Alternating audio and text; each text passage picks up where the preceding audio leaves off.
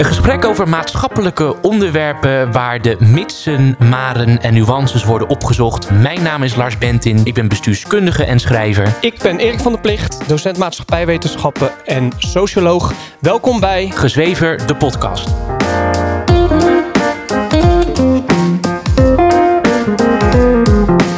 En net zoals met Tim Hofman, maar in het discours op sociale media proberen ze altijd aan virtue signaling te Dit doen is om het precies. eigen gelijk te, te, te, te Precies, krijgen. vooral, vooral toen jij Tim Hofman aanhaalde, Ja, kreeg ik meteen een heel erg eh, eh, naar gevoel. ja, Omdat ik, he- ik vind hem dus echt, echt overkomen als een extreme virtue signaler. ja, klopt. Ja. ja. En dat doet hij vast wel met de beste bedoelingen. Allemaal leuk. Eh, maar hij veroorzaakt dus zijn, zijn, zijn eigen tegenstand. Correct. Terwijl die heel veel Die mensen... uitputting waar we het net Ja. over hadden. Ik zie, ik zie zijn, zijn, zijn aflevering en de, de morele verontwaardigdheid hè, die daar dan al omheen hangt. Van hoe had dit allemaal kunnen gebeuren en dergelijke. En eh, wat, wat erg dat dit die meiden is overkomen. Terwijl ik die aflevering kijk, en daar ging trouwens onze allereerste aflevering ook over. Ik zie die aflevering en ik heb echt. Ik zie dat en ik denk van ja, maar ook weer nee.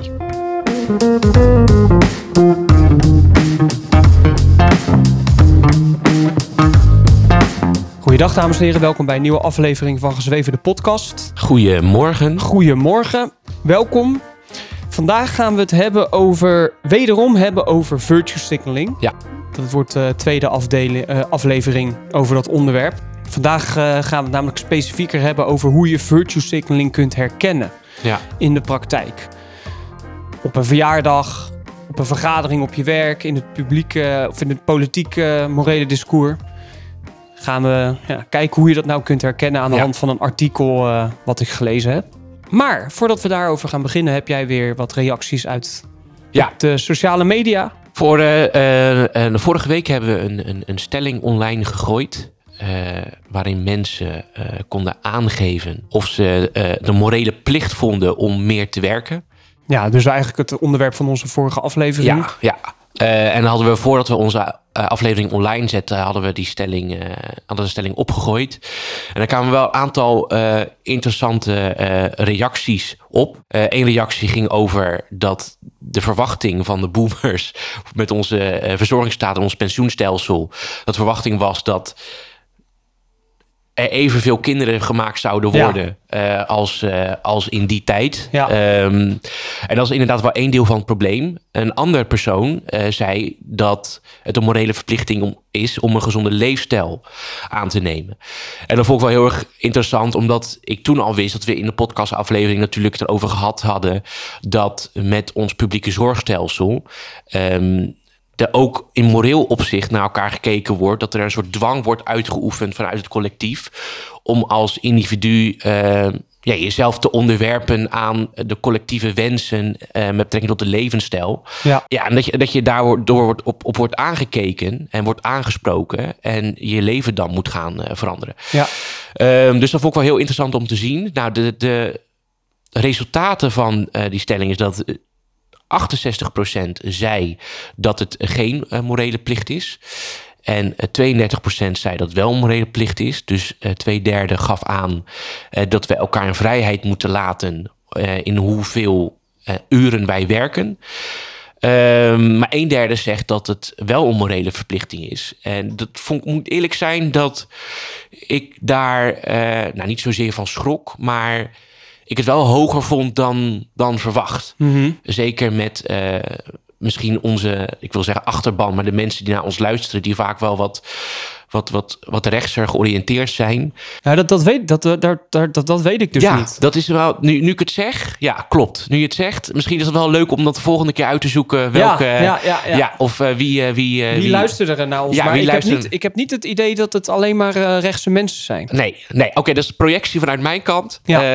Maar over het algemeen, het, mensen waar ik mee omga, zijn wat rechtser georiënteerd. En eh, ja, het, het verbaast, ik me, verbaast me wel dat er best wel wat mensen zijn die dus wel een morele verplichting vinden. Ja, Eh, dus dat Ja, vond ik heel ben- erg interessant. eh. dat is precies dus ook waar we het vorige eh, Ja. week over hadden. ja, Ik heb ook nog wat informatie opgezocht over hoe onze zor- de, de zorgkosten gaan eh, stijgen eigenlijk ehm, de de komende jaren. En in 2018 is, heeft het RIVM, nee, het Rijksinstituut voor Volksgezondheid en Milieu. Ja, Dat is, er, dat ja, is het dat is het, RIVM. ja. Ja. we hebben zo vaak die term gehoord de afgelopen jaren, maar we weten niet waar het voor staat. RIVM heeft een ehm, onderzoek gedaan van hoe ontwikkelen ze zich de zorguitgaven in de toekomst. Ja. En ze stellen dat in 2015 was nog 12,7% van het BBP werd uitgegeven aan zorg. En nu in 2040 wordt dat 16,4%. Ja, En concreet houdt dat in dat we in 2015 waren de zorguitgaven nog 85,8 miljard. Nu is dat, zitten we rond de 101 miljard volgens mij. En in 2040 wordt dat 173,6 miljard euro. Maar daar moet je natuurlijk wel, mee, eh, wel bij ehm, rekening houden dat natuurlijk ook het BBP stijgt en dergelijke. Dus het geeft een beetje een vertekend beeld. ja. Maar in 2040 stijgen de kosten dus naar 16,4% van het BBP. ja. Goed, hier gaan we het later. Hier zullen we het eh, de komende tijd nog wel vaker over Ja. hebben, over dit onderwerp. Laten we het gaan hebben over hoe je virtue signaling kunt herkennen in de praktijk. ja. Twee weken geleden hebben wij de aflevering opgenomen over virtue signaling. En daar kwamen wij tot de conclusie dat virtue signaling problematisch is. Eén, omdat je door de toenemende virtue signaling eigenlijk in de media en of op sociale media word je continu gedwongen om iets van een onderwerp te vinden en word je door de menigte ook gevraagd je mening erover te uiten. ja. En als voorbeeld gaven we die eh, regenboog eh, aanvoerdersband. Dat, dat, dat aanvoerders van voetbalclubs dus, min of meer worden gedwongen zo'n regenboog eh, aanvoerdersband te Ja. dragen. En als tweede conclusie hadden wij dat, trokken wij dat virtue signaling eigenlijk niets oplost. ja. Dus het publieke discours wordt gevuld met allerhande morele uitspraken, maar het lost eigenlijk voor de rest helemaal niets op. Nee. En vandaag gaan we daarmee verder met het onderwerp. En dan gaan we kijken hoe kun je virtue signaling nou eigenlijk herkennen in de praktijk. Eh, en zoals ik net dus al zei, op een verjaardag, in, op een vergadering op je werk, ehm, in de politiek, in het politieke, publieke, morele discours. Ja. Voordat we dat gaan doen, nog even een keertje de definitie van virtue signaling. En die doe ik aan de hand. Überhaupt, het hele, deze hele aflevering is gebaseerd op de, de bevindingen die wij delen in deze aflevering. Is gebaseerd op een artikel van Justin Tosi en Brandon Wormke. Zij zijn beide filosoof. Justin Tosi is assistant professor of philosophy eh, aan de Texas Tech University. En Brandon Wormke is professor aan de Bowling Green State University. Dus allebei gespecialiseerd in filosofie. En zij hebben een boek geschreven over moral grandstanding. En ook een artikel uit 2016 dat daarover gaat. En moral grandstanding is eigenlijk, kun je eigenlijk gelijkstellen met virtue signaling. Het is een andere term. En zij stellen dat moral grandstanding is. Er is sprake van virtue signaling of moral grandstanding. Zodra iemand iets, een morele uitspraak doet in, het, in een discours. Met als doel daar vooral zelf goed uit te komen. Ja. Dus een uitspraak te doen zodat die persoon zelf ehm, daar aan status door krijgt of aanzien of, of kan communiceren van la, kijk eens hoe goed ik ben. Ja. Dus je doet niet zozeer een uitspraak omdat je wil dat het morele discours vooruit geholpen wordt. Of dat er een oplossing gevonden wordt. Maar je doet het vooral zodat je er zelf goed uit, Ja, eh, ja. uitkomt. En zij hebben een artikel geschreven in 2016. En daarin schrijven ze, eh, of zetten ze eigenlijk uiteen, beschrijven ze hoe moral grandstanding of virtue signaling. Vanaf nu gaan we het ook maar weer gewoon virtue signaling noemen. Ja. Hoe virtue signaling zich manifesteert in het publieke morele discours. Ja. En zij omschrijven vijf manieren hoe dat zich eh, uit. Dat zijn piling on, ramping up, trumping up, excessive emotional displays or reports en claims of self-evidence.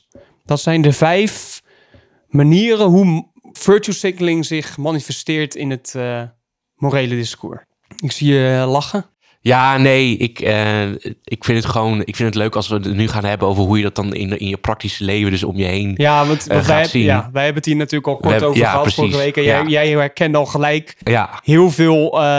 Je herkende al meteen Ja. eh, Omdat ik ook denk dat met, met dit onderwerp heel veel frustratie en irritatie bij mensen omhoog komt. Maar dat het heel moeilijk is om onder woorden te brengen waardoor, waardoor dat komt. Juist. Omdat virtue signaling zou aan zich, omdat het om virtue gaat, Ja. eh, zou aan zich positief moeten zijn. Maar heel veel mensen reageren er negatief, Ja. eh, soms zelfs agressief op. Ja. En in dit artikel wordt dan gewoon, dat gaan we zo horen, zo goed beschreven waar die frustratie vandaan komt. en dat, dat vind ik leuk. Ja, en nadat we dat uiteenzetten, gaan we het nog hebben over de drie negatieve gevolgen die virtue signaling kan hebben voor morele discours.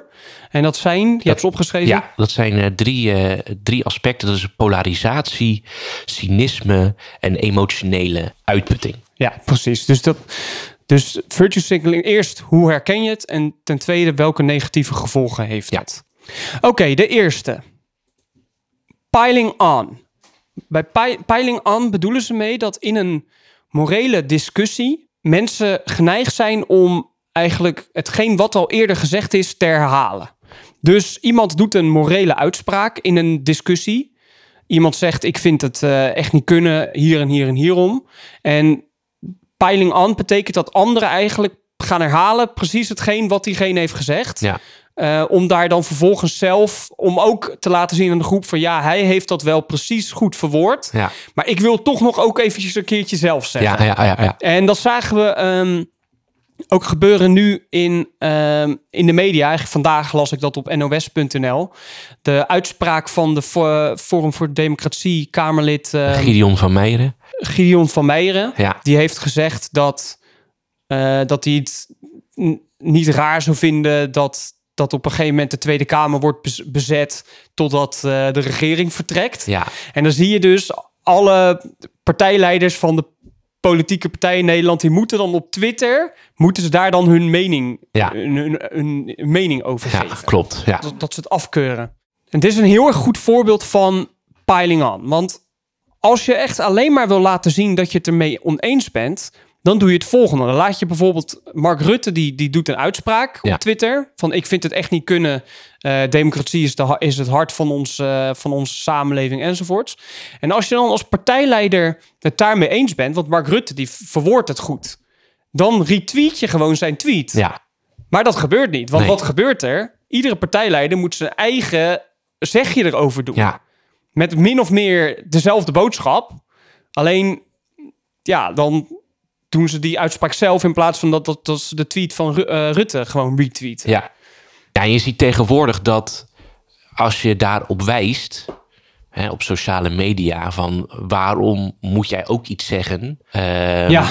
dat, dat, dat er dan ook gelijk negatief tegenover die persoon wordt gedaan. Als jij zou zeggen tegen iemand op sociale media van, ja oké, maar dat is al gezegd, waarom, waarom moet jij er ook iets over, zeggen, over zeggen? Ja. Dan, dan wordt er een beetje afkeurend gereageerd van... eh, ja, maar we, moeten toch laten zien Ja. dat, eh, dat het niet kan, dat hier de grens ligt. En, Ja. en dan is natuurlijk de volgende vraag van... waarom moet jij Ja. naast onze minister-president... die Dat eigenlijk het hoogste politieke... en misschien dan ook nog het hoogst politiek-morele gezag... dan vertegenwoordigt in Nederland... waarom moet jij er dan ook nog iets aan toevoegen... wat eigenlijk helemaal geen toevoeging is op dat Precies. moment? Het is geen toevoeging, maar dat is dus bedoeld om te laten zien... eh, ja, ik vind het ook heel erg belangrijk. Ja, Dat is dus piling on. Ja. Nou ja, goed. Je hoeft maar te denken aan, eh, aan iedere vergadering op, op je werk. Is dit, gebeurt dit? Ja, ja, zeker in de politiek is het eh, de, de vergadering dat een half uur eh, kan duren, duurt dan twee uur.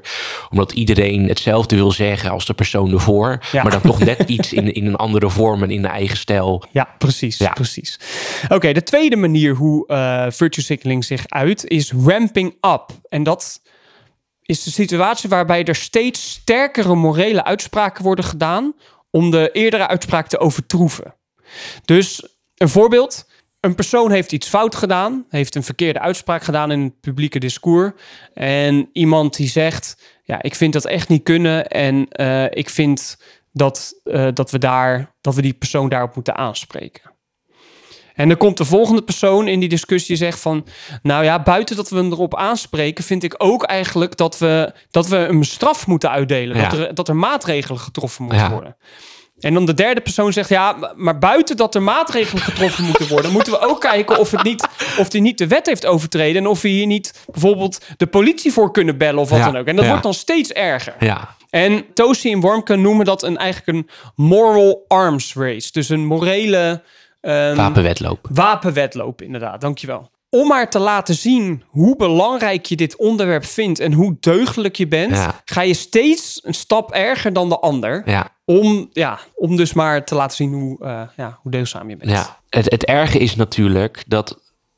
Nee, daar gaan we het dadelijk over hebben. Ik wilde gelijk zeggen dat het daardoor dus een soort inflatie van... ja, ja, precies. Er daar staat ook ja. een soort inflatie van, van deugdzaamheid en, Ja. en, en, en En ook ehm, de, de zwaarte van uitspraken worden ook steeds, het wordt dus steeds zwaarder. Ja, en het gaat uiteindelijk dus niet meer over het probleem zelf. Het gaat Nee. over de maatregelen die je er dan tegen kan nemen. Ja. Dus het probleem wordt bedolven eh, onder allemaal uitspraken en maatregelen.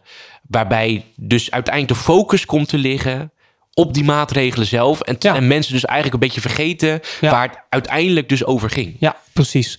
Want daar gaan we het dus inderdaad straks ook over hebben, Ja. over die drie negatieve gevolgen. De derde is trumping up. En dit is een manier van virtue signaling die we tegenwoordig ook steeds vaker zien. En dat trumping up houdt in dat je blijft volhouden dat er ergens een moreel probleem is, terwijl er geen moreel probleem is.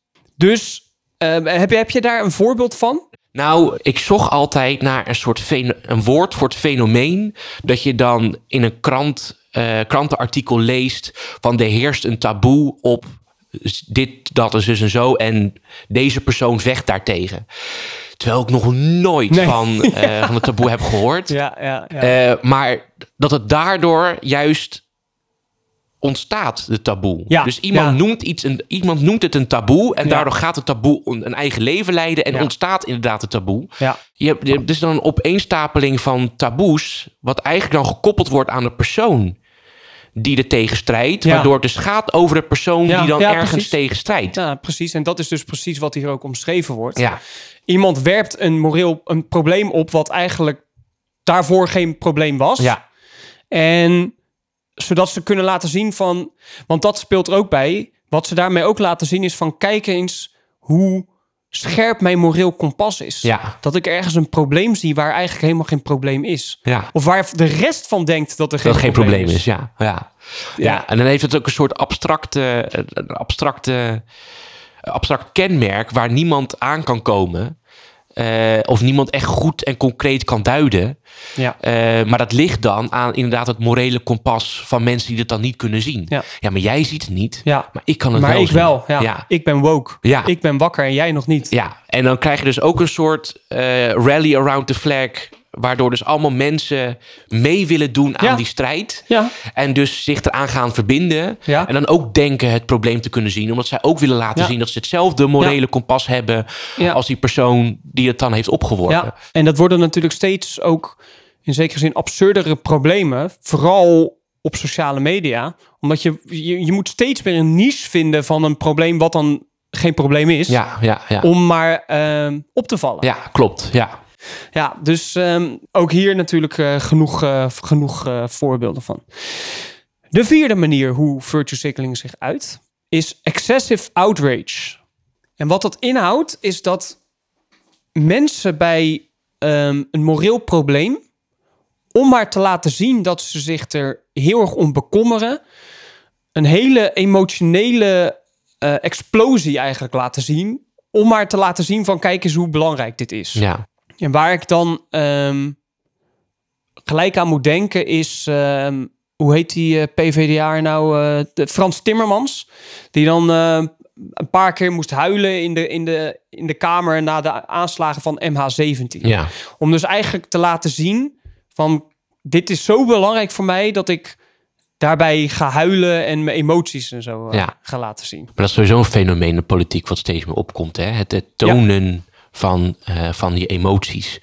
En waarbij dus ja, eerst... het, het, het, ja, ja, het is niet zozeer het tonen van emoties, maar eigenlijk eh, excessieve Ja, ja, ja, emoties. ja. Ja, dus waar eerst eh, want dat had ik vroeger altijd, van, dat ik het idee had van ja, je mag best wel meer als mens overkomen. Eh, moet, moet iedereen te pas en te onpas in de politiek laten zien dat ze menselijk zijn en heel emotioneel Ja, kunnen reageren Ja. op. eh, ja. En, en de, de schrijvers van dit artikel stellen ook dat de, de impliciete aanname is dat hoe meer, hoe excessiever je emotie is, hoe meer je gelijk hebt. ja, Want als je, ex, ja, als je dus heel erg emotioneel reageert, dan zal het dus wel heel erg belangrijk zijn. ja, Wat trouwens ook gelijk weer aansluit bij een van de negatieve gevolgen van eh virtue signaling, waar we het straks over Ja. gaan hebben. En de laatste uiting van virtue signaling is dat het leidt tot eh, dat, dat morele uitspraken self-evidently true zijn. Hoe gaan we dat vertalen naar het Nederlands? evident. Ja, dat inderdaad, dat is een goede vertaling. Dat, dat morele uitspraken evident zijn. Dat het, het is dat, dat, dat degene die de uitspraak doet zo overtuigd is van zijn of haar gelijk. En dat het zo evident is, dat die Ja. morele uitspraak zo evident waar is, dat er, dat er eigenlijk geen gesprek meer met de ander nodig is. Nee, ik had dat laatste, ehm, dat ging naar aanleiding van onze genderideologie aflevering. Reageerde, eh, reageerde iemand van ons stadhuis waar ik werk in Den Haag, reageerde iemand erop. En daar wilde ik mee in, in gesprek gaan. En toen was al de reactie, ja, maar als, als jij al niet erkent eh, dat eh, non-binaire mensen bestaan, of dat, dat mensen in het verkeerde lichaam geboren kunnen worden, dan hoef ik dit gesprek ook helemaal niet te hebben. Precies, Weet maar je, dit, dit, dit, ja. dit is, want wat precies, en wat die persoon daarmee dus eigenlijk communiceert van, ik ben moreel zo juist, ik heb hier al zo lang over nagedacht, enzovoort, enzovoort, Ja. dat het gesprek met jou eigenlijk niet eens nodig is, want jij staat eigenlijk moreel onder mij. Ja, Je hebt van, van een lager niveau, ja, dus eh, ik hoef niet met jou eh, Nee, te ja. praten. Dus vijf manieren hoe virtue signaling zich uit in, eh, in, in gesprekken en discussies. Piling on, wat betekent dat je eigenlijk gewoon hetgeen herhaalt wat wel eerder gezegd is. Ramping up, wat betekent dat er steeds sterkere, zwaardere morele uitspraken worden gedaan om maar te laten zien hoe belangrijk eh, dat voor jou is Ja. en hoe goed jij dus eigenlijk bent. Trumping up, dat is dus de situatie waarin je waar eigenlijk een probleem wordt gemaakt waar eerst geen probleem was om maar te laten zien hoe fijnmazig jouw morele kompas is. ja, De vierde is excessieve emotionele reacties. Om maar te laten zien hoe gelijk je hebt, eigenlijk. En de laatste is de zelfevidentie van morele uitspraken. Dat, jou, dat jij moreel zo gelijk hebt, dat is zo evident dat je niet eens meer in gesprek gaat nee, met de ander. ja. Wil je daar nog iets aan toevoegen? Nee, nee, ik denk dat deze vijf dingen, ehm, zeker in de, in de publieke sfeer en het discours, gewoon heel vaak voorkomen. Ja. En ik denk ook dat het bijna zelf-evident is, om dat woord dan ook maar eh, weer te gebruiken, zelf-evident is dat mensen deze trucjes ook normaal vinden of deze manieren van communiceren Ja. met elkaar. Ehm, en dat, dat, dat zie je vooral in sociale media natuurlijk, dat bijna een soort eh, het, het opbieden is van, van steeds extremere uitspraken. Ja. Ehm, en dat we, ik het gevoel heb dat we in een soort neerwaartse spiraal terecht zijn gekomen. Dat, dat we er ook niet meer uitkomen. Het is een soort prisoners dilemma. Waarbij iedereen wel met elkaar kan afspreken. Oké, Ja, ja, weet ja. je wat, we, we, we, we verschonen het publieke discours. Ja. Maar dat iemand die daar dus niet aan meedoet. En wel dit soort trucjes gebruikt. Eigenlijk altijd eh, en aandacht krijgt. En daardoor dus een streepje voor heeft op de anderen. Ja. Waardoor anderen het gevoel hebben niet. Eh, geen achterstand, het gevoel hebben dat ze geen achterstand willen opbouwen in het publieke discours. En dus gewoon blijven meedoen. Ja. Ja. Dus het zelfreinigend vermogen met dit soort trucjes, dat alleen maar versterkt wordt door sociale media. Ja, zeker. Ja, ik, ik ben daar gewoon een beetje eh cynisch. Oh, nou ja, we hebben- gaan het net hebben ja. over cynisme. Misschien een leuk bruggetje. Nee, maar heel eh, goed, heel ja. goed eigenlijk wat je nu dus omschrijft. Want we gaan het nu dus hebben inderdaad over die drie negatieve gevolgen volgens eh eh, Tosi en Warmke. Die virtue signaling kunnen hebben op het publieke morele discours. Ja, En dat zijn de drie. De eerste is dat het kan leiden tot cynisme. De tweede is dat het kan leiden tot more of morele uitputting, kun je het eigenlijk noemen. Ja. Emotionele uitputting. En de derde is dat het kan leiden tot polarisatie. Ja. Oké, de eerste. Cynisme. Ze stellen eigenlijk, de schrijvers van het artikel stellen dat virtue signaling in, de, in het morele discours kan leiden tot cynisme, omdat mensen steeds vaker zich, ehm, zichzelf eigenlijk gaan, of eigenlijk steeds cynischer worden als ze weer een morele claim zien in Ja. het publieke discours, omdat ze zich eigenlijk steeds afvragen van ja, zeg je dit nou omdat je dat echt belangrijk vindt, of zeg je dit zodat jij er zelf beter Ja. uitkomt? Ja, ja, En ik denk dat dit cynisme, want dit artikel is uit 2016, dus dan hebben we het alweer over zes jaar geleden, dat cynisme nu heel hoog is eh, Ja. in de Nederlandse samenleving. Ja. Vooral over, de politiek vooral. ja. Ja, en dat, dat, dat, dat cynisme uit zich ook steeds meer eh, in een soort contra-virtue signaling. Waardoor problemen die benoemd worden, en misschien ook wel terecht benoemd worden, Ja, eh, als het even niet in een politiek straatje past, al gelijk wordt weggezet als virtue signaling. ja precies. Ehm, dat is dus dat cynisme. ja, dat is dat cynisme wat dus in werking gaat treden. Eh, waardoor continu er twijfel wordt gezaaid over de intentie van, van de ander. Waarom iemand dus wijst op een moreel probleem of eh, wijst op, nou, dus aan virtue signaling doet. Ja, precies. Ehm, En, en, nou, en dat, dat is dus ook wat je vaak hoort, hè, dat, dat mensen zeggen over politici van ja, ze moeten allemaal hun, eh, hun eigen zegje doen. Nou, dat wat we net dus als voorbeeld ook aanhaalden met die, met die tweets over Ja. dat gedrag van, eh van eh Meijeren, Gideon van Meijeren. van Meijeren. Ehm, dat morele uitspraken van politici eigenlijk ook steeds minder serieus genomen worden. Ja, klopt. Ja. Ja.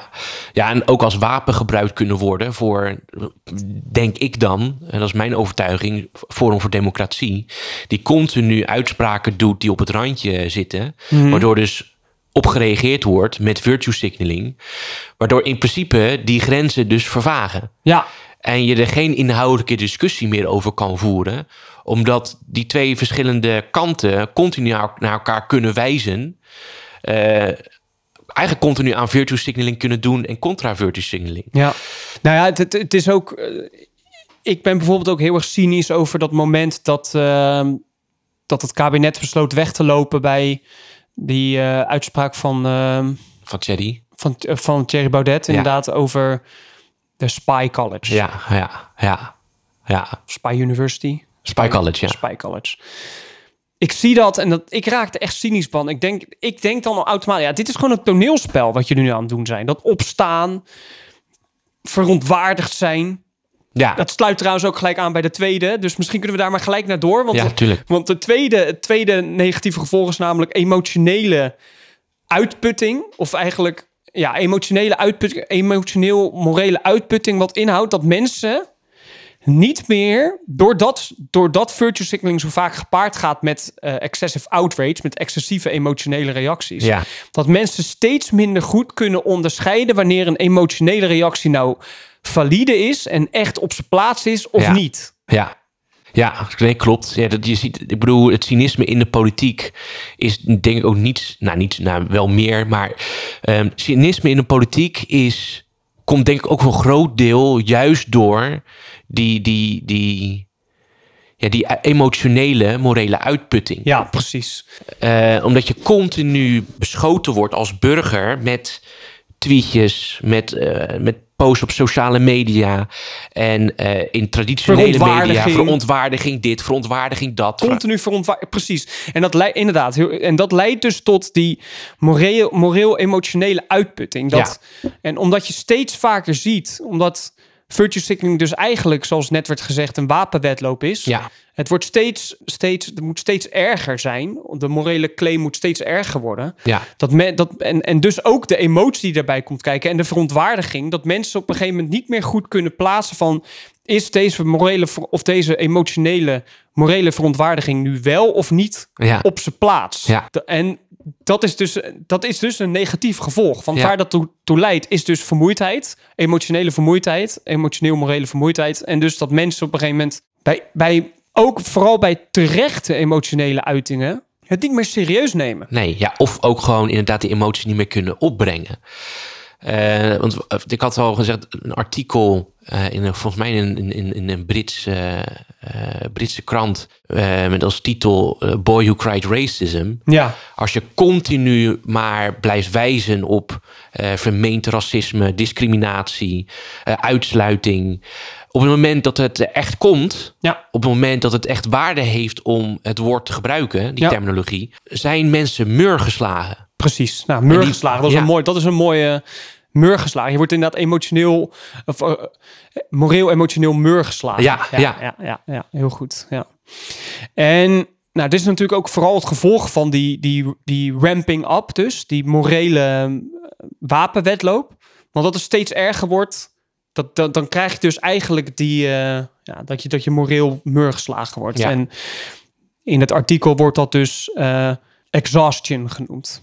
Outrage exhaustion. Ja, Dus we hebben nu gehad, het kan leiden tot cynisme en outrage exhaustion. En het derde negatieve gevolg van virtue signaling is dus, volgens de schrijvers, en ik denk dat ze daar echt een heel goed punt hebben, polarisatie. ja, Want wat gebeurt er? Groepen moeten dus, of mensen moeten steeds extremere morele uitspraken doen om de aandacht te krijgen en te laten zien hoe, eh, hoe goed ze zijn. Dus dat is dat ramping up waar we het net over hadden. En aan de andere kant zie je steeds meer zelfevidentie, self-evidence optreden, waardoor je uiteindelijk als gevolg hebt polarisatie. ja, Groepen die tegenover elkaar komen te staan met steeds extremere uitspraken om, ehm, ja, om nog maar op te vallen. ja. Je geeft elkaar niet de ruimte om of het gesprek aan te gaan of, eh, of te nuanceren. Precies. Waardoor, eh, zeker met eh, het aspect het zelfevidentie, ehm, je gedwongen wordt om te kiezen voor een kant. Ja, Wat, vaak wordt gezegd, ja je het, wordt inderdaad, ja. het, het, het- de goede kant van de geschiedenis, bijvoorbeeld, er wordt dan vaak... ja eh, wij staan aan de goede kant van de ja, geschiedenis. precies. Ja. Ja, ja, Dus in dat opzicht, en, en dan zie je dus ook, waar ik net ook al, eh, wat ik al net al probeerde aan te geven, dat je dus ook partijen krijgt die dus aan contra-virtue signaling doen. En dus alles gaan afwijzen als virtue signaling. ja, precies, precies. Dus ook uitspraken die wel terecht Ja, zijn. klopt. Ja, ja. En dat, dat vind ik het meest eh, eigenlijk tragicomische van, van dit hele onderwerp. Is dat de mensen die aan virtue signaling doen, eigenlijk maken zij het voor zichzelf onmogelijk, omdat ze het monster creëren die ze juist willen bevechten. Ja, precies. Ehm, door dus een sfeer te creëren waarin mensen dus niet meer gevoelig zijn voor de morele kaders, maar dus murgeslagen worden. ja, Waarin mensen dus niet meer solidair met elkaar willen zijn of eh, empathisch met elkaar, empathisch willen handelen met elkaar, omdat ze het gewoon niet meer kunnen opbrengen. En dus polarisatie veroorzaken, terwijl ze vermenen de verbinding eh, te willen bewerkstelligen. En dan denk ik van ja, waar, waarom, waarom begrijpt men niet dat, dat dit gebeurt? Ik begrijp dat echt niet. Net- Dat is net zoals met Sander Schimmelpenning. Die heeft heel vaak een punt. Die kan echt wel eh rake dingen zeggen. En net zoals met Tim Hofman. Maar in het discours op sociale media proberen ze altijd aan virtue signaling te Dit doen is om het- eigen gelijk te, te, te, te precies. krijgen. Vooral, vooral toen jij Tim Hofman aanhaalde, Ja, kreeg ik meteen een heel erg eh, naar gevoel. ja, Omdat ik, he- ik vind hem dus echt, echt overkomen als een extreme virtue signaler. ja, klopt. Ja. ja. En dat doet hij vast wel met de beste bedoelingen. Allemaal leuk. Eh, maar hij veroorzaakt dus zijn, zijn, zijn eigen tegenstand. Correct. Terwijl die heel veel Die mensen... uitputting waar we het net Ja. over hadden. Ik zie, ik zie zijn, zijn, zijn aflevering en de, de morele verontwaardigdheid hè, die daar dan omheen hangt van hoe had dit allemaal kunnen gebeuren en dergelijke. En eh, wat, wat erg dat dit die meiden is overkomen. Terwijl ik die aflevering kijk, en daar ging trouwens onze allereerste aflevering ook over. Ik zie die aflevering en ik heb echt, ik zie dat en ik denk van ja, maar ook weer nee. Want waar hebben we het nou eigenlijk over? We hebben, Ja. we hebben een, er wordt een meid geïnterviewd die te vertelt dat ze seksuele handelingen doet met, met, eh, met, met die figuren die daar zijn in die, in die villa. En dan moet ik, het er, moet ik het erg vinden dat Ali B dan ook iets met haar wil doen. Ja. Ja, dus dan gaat het dus weer over mensen, over specifieke personen. Ja, precies, want dit niet is over het dus onderwerp. Ja. Nee, precies. Dus niet over het onderwerp, omdat er dus morele verontwaardiging wordt geportretteerd, het wordt, wordt neergezet van dit is heel erg erg wat hier is gebeurd. En Ja. ik zie dat dan en ik denk vervolgens, nou, ik vind het allemaal wel veel genuanceerder dan wat jullie hier proberen te zeggen. Ja, Dus ontstaat er bij mij cynisme. ja, En ook uitputting, dat ik denk van ja hoor, daar gaan we weer. En de volgende keer, en dit is dus precies heel goed, heel goed dat je Tim Hofman aanhaalt. Volgende keer als Tim Hofman weer komt met een aflevering over iets, kijk ik het niet meer. Ik heb die tweede aflevering eh, over dat onderwerp van de Voice nee, al niet eens nee, meer gekeken. nee, nee, nee, klopt. Ja, Omdat er dus een probleem wordt gemaakt van een situatie die in de werkelijkheid veel genuanceerder is dan wat wordt neergezet in die aflevering. ja. Dus nu iedere keer, ik word er cynisch door. Ja. Ik denk dan ja, nou hebben we Tim Hofman weer. Nou, eh, laat maar, ik ga er niet eens meer naar kijken. Nee, terwijl, eh, dat is wel gewoon... sorry, voordat je verder gaat. En dat sluit ook trouwens aan bij de titel van zijn programma, hè? Boos. Ja, Dat is dus die, dat is dus die, die, klopt, die, die, die, die emotional outrage. ja, Het wordt al boos met, met, met, met hoofdletters. Dat leidt dus, dus tot die emotionele Emotionele uitputting. uitputting, Dat ik denk van ja, ja boos, oké. Weet je wel, eh, ja, dan gaan we weer. Nou, ik ga niet eens meer naar je luisteren, want eh, ik, neem jou, ik neem jouw emotionele reactie niet serieus. nee, nee. nee terwijl die tweede aflevering... En eigenlijk nog meer bevestigt wat jij net zelf zegt. Want in die tweede aflevering gaat het dan over dat iemand in de vorige aflevering gelogen zou hebben over wat er wel niet is gebeurd. Wordt een hele aflevering over gemaakt. En Heel goed. je, je, wordt, ja. je, wordt, je wordt eigenlijk achtergelaten met het gevoel van... Ja, moet ik hier nou ook verontwaardigd over? Ja, Ja. nee, ja, sorry, ja. Ja, dit, dit is ook weer een voorbeeld van die uitputting. Dat er dan een hele aflevering wordt gewijd aan... Ik heb hem niet gezien, jij zegt het. Aan één klein misverstandje. Dus er wordt Ja. eigenlijk... Het, wordt eigenlijk het, het probleem wordt, hoe noem je dat, Ehm, Uitvergroot. uitvergroot. En ze proberen het, laatste, laatste, Laatste aandacht restje eruit te eh, eh, persen, eruit te ja. persen, Ja, inderdaad. ja, ja, ja, ja. Ja, nou, Ja, en. En, en dus leidt het tot cynisme, bij mij in ieder geval. ja. morele, moreel-emotionele uitputting. Dus ik neem die emoties daaromtrent ook al niet eens meer serieus. Ja. Ja, je, Eh, ja. ja, je, je, had, je hebt dus ook in, in Den Haag eh, eh, Schreeuw om Leven. Dat is dan een, een ja, ik ken het. ja, over abortus, toch? over abortus, anti-abortus demonstranten. Ja. Eh, ehm, en daar was dus het programma Pak de Macht bij. En dat is dus van Tim Hofman. Mhm. Eh, aflevering is nog niet bekend, hè? maar ik zag gewoon in het artikel... zij waren erbij om een tegendemonstratie te organiseren. Eh, eh, en eigenlijk de, de, de mars te, te sponsoren. Onvrijwillige sponsoring.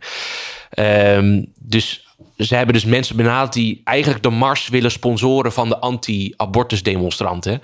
Eh, als een soort, ja, ja. Je zegt sponsoren. Oh, sorry, sponsoren. Excuses. Nee.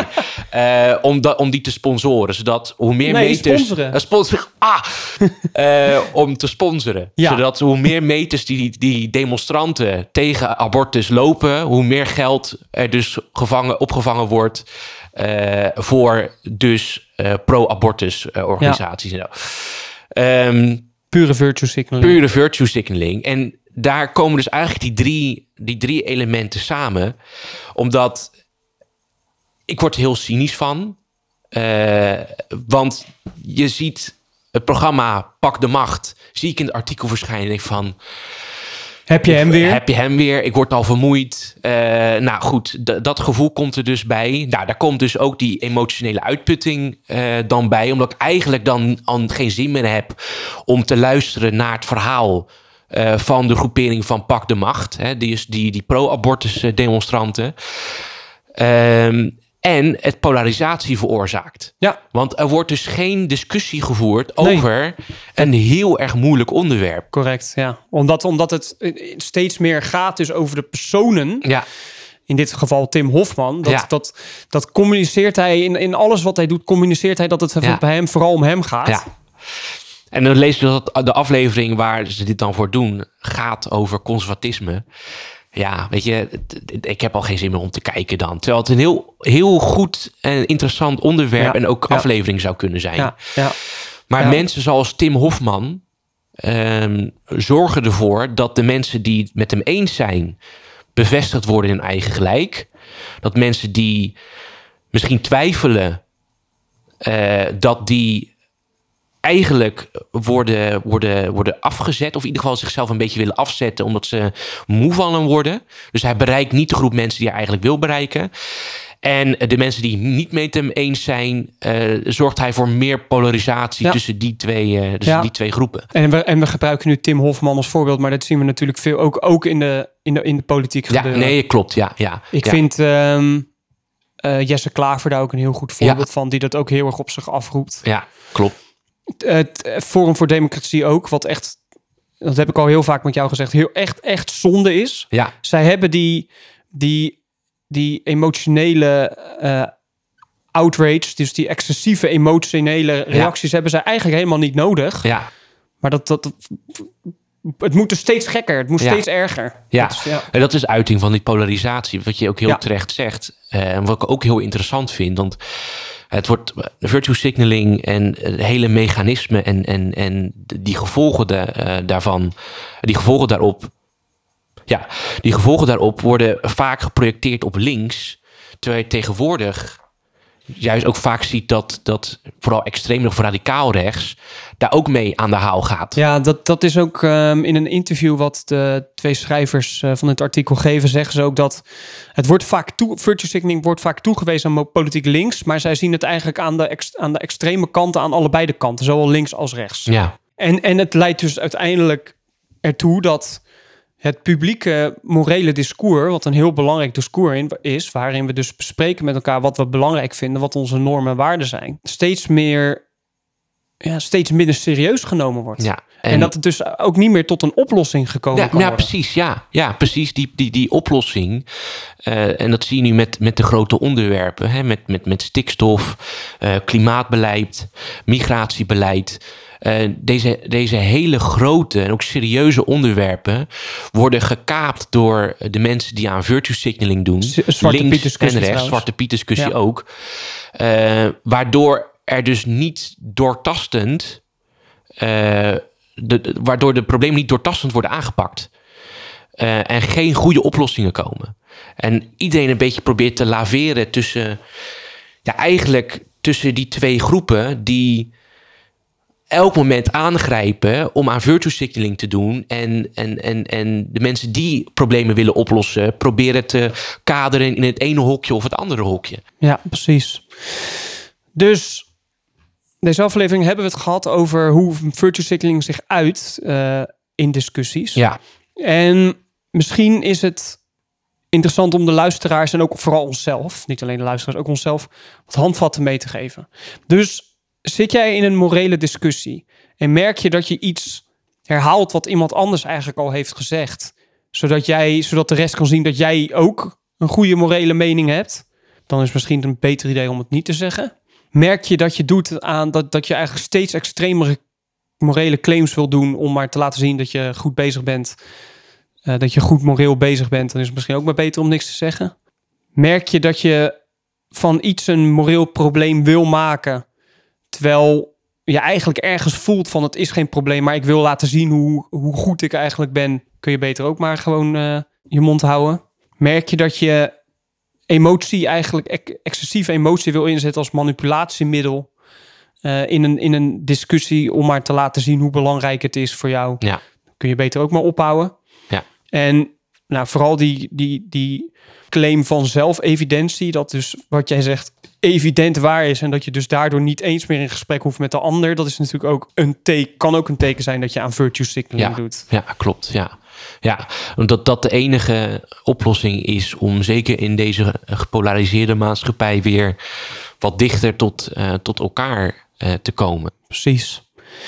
En we hebben het gehad over hoe die gedragingen kunnen leiden tot cynisme, polarisatie en eigenlijk moreel-emotionele uitputting. Ja, die kun je als persoon ook. Nou, vooral dat cy- cynisme en die emotionele uitputting. Ik kan me heel erg goed voorstellen dat ook door de dag heen, door alle berichtgeving die je ziet op sociale media, ieder, ieder persoon is bijna een activist op sociale media in een of andere vorm. Eh, en in traditionele media, dat het ook continu die virtue signaling wordt, wordt gepusht. Dat ik me ook best wel goed kan voorstellen dat je überhaupt moe raakt van, van, van de hele publieke discussie die, Ja. die, eh, die heerst op je werk, op sociale media en weet ik veel wat. Dat je er niet aan kan ontsnappen. Ehm, en dat het misschien ook gewoon goed is om we hebben het al vaak over gehad om sociale media even weg te leggen. eh, of je smartphone weg te leggen. eh, om jezelf ook daarin op te laden. Dat je jezelf er ook de rug kan. Dat je er ook de rug aan van toe. Zo. Dat je ook de rug van toe, toe kan keren. Dat je niet per se mee hoeft te doen. Want ik kan me ook goed voorstellen dat je juist Ja. wel mee wil doen. Ja, nee, precies. Dat, dat is een heel goed voorbeeld. En dat sluit dus ook aan bij die, bij die eerste piling on. Eh, dus piling on, dus het, het, eigenlijk het herhalen wat anderen al hebben gezegd. Je kunt soms ook bedenken, het is al gezegd. Ja, Ik hoef hier nu niet meer aan mee te doen. Het wordt al gezegd door anderen. ja, ja. Ja, in plaats van je eigen motivatie om ook gehoord te willen worden. Of bang bent dat je niet gezien of gehoord wordt. Juist. En daarom dus maar mee gaat doen Ja. en daardoor dus ook weer uitgeput raakt. Ja. Ik denk dat eh, we voor vandaag hier alles over gezegd hebben. Ja, zeker. Dankjewel weer Ja, dankjewel. en tot eh, volgende week. Tot de volgende week.